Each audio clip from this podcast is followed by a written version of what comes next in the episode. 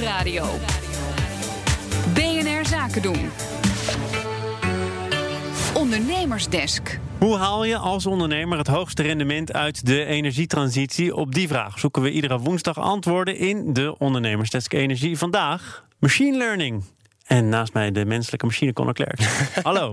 Goedemiddag. Leg dat nog maar eens uit. Nou ja, machine learning dat is uh, een populair onderwerp binnen de kunstmatige intelligentie. Wordt veel onderzoek naar gedaan.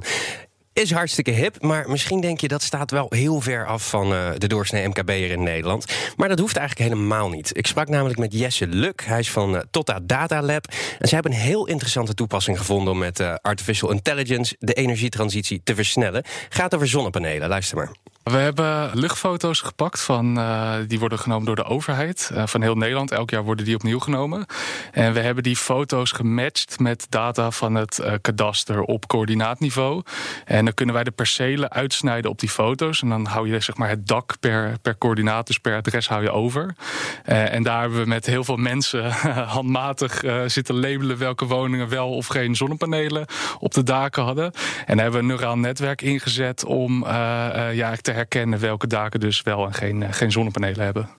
Ja, dus in feite hebben ze nu software die precies kan zien wie wel of geen zonnepanelen op zijn dak heeft. En zo kun je dus als zonnepanelenleverancier heel nauwkeurig kijken in welke wijk er het meeste te winnen valt. Nou, we kunnen nu in zo'n 80% van de gevallen correct schatten of een woning wel of geen zonnepanelen heeft.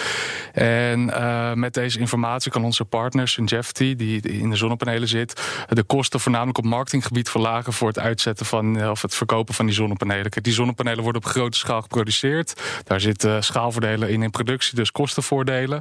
Uh, maar nu kunnen we dat ook op marketinggebied doen, omdat we wat gerichter kunnen, kunnen targeten. En het draait dan om die techniek allemaal. Is die al uitontwikkeld? Nee, dat is hij zeker niet. Ze kunnen het nu dus zo'n uh, 80% nauwkeurig schatten. Maar buiten het feit dat ze natuurlijk naar de 100% willen uiteindelijk... kijken ze ook al verder. Ja, de volgende stap is dat we ook het potentieel van de daken kunnen gaan schatten. Kijk, in die hele energietransitie zit je natuurlijk zowel met de menselijke kant als de, als de techniek. En de mens moet wel getriggerd worden om iets aan te schaffen. Dus als jij ergens een aantal duizend euro insteekt, dan wil je natuurlijk ook dat er wel een bepaald terugverdienmodel in zit.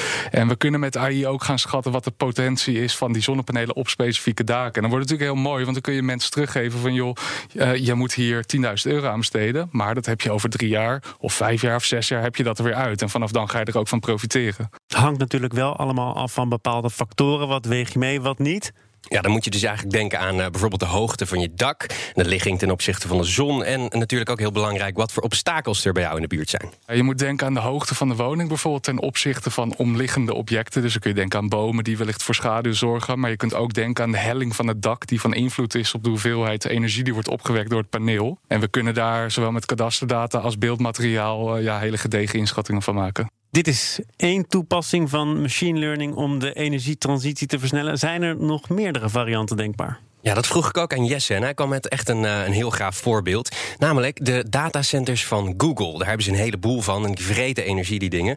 En daar staan allemaal servers. Die worden dan weer gekoeld door ventilators. En Google heeft daar um, een algoritme in gezet. Dus ze hebben eigenlijk volledig uit, uh, uit de hand gegeven hoe dat geregeld werd. En uh, dat algoritme dat ontvangt punten door het energiegebruik zo laag mogelijk te houden. En daar gebeurt iets heel interessants. Wat je zag is dat het algoritme besloot om niet alle ventilatoren even hard te laten blazen. Maar bijvoorbeeld in de schaduwkant zachter en de zonnige kant wat harder. Uh, maar op een gegeven moment zag je ook dat die ventilatoren met elkaar gingen communiceren. En dat er een soort, ja, een soort wervelwindje ontstond omdat ze naar elkaar toe gingen blazen. Waardoor er minder energie nodig was om die, om die datacenters te koelen. En dat heeft uiteindelijk zelfs geresulteerd in 40% energiereductie. En dat zijn ja, natuurlijk fantastische voorbeelden van hoe AI uh, energieverbruik kan verlagen. Of ons kan helpen de energietransitie door te komen. Ja, ik vind het dus echt een ontzettend gaaf voorbeeld. Zo'n idee is dus helemaal geboren in zo'n algoritme. Die zijn gewoon met elkaar gaan praten. Hm. En die hebben dus een oplossing gevonden waar de ingenieurs helemaal niet uh, zelf, helemaal zelf niet op waren gekomen. Dus volgens mij is er nog een heleboel te winnen. Wat is er allemaal morgen te winnen, Conor? Want als het goed is, dan spreken we elkaar dan weer. Ja, zeker. Morgen is het donderdag, hè? Ik denk het wel. Uh, dan hebben we het in uh, kansen en risico, de nieuwe ondernemersdesk, hebben we het over. God, zou ik eigenlijk moeten weten. Oh, altijd een risico als ik een spontane vraag stel. Ja. Goed, nou, we gaan het morgen uh, meemaken. Uh, ja, weet ik wel, trouwens wel, ransomware gaan we het over hebben.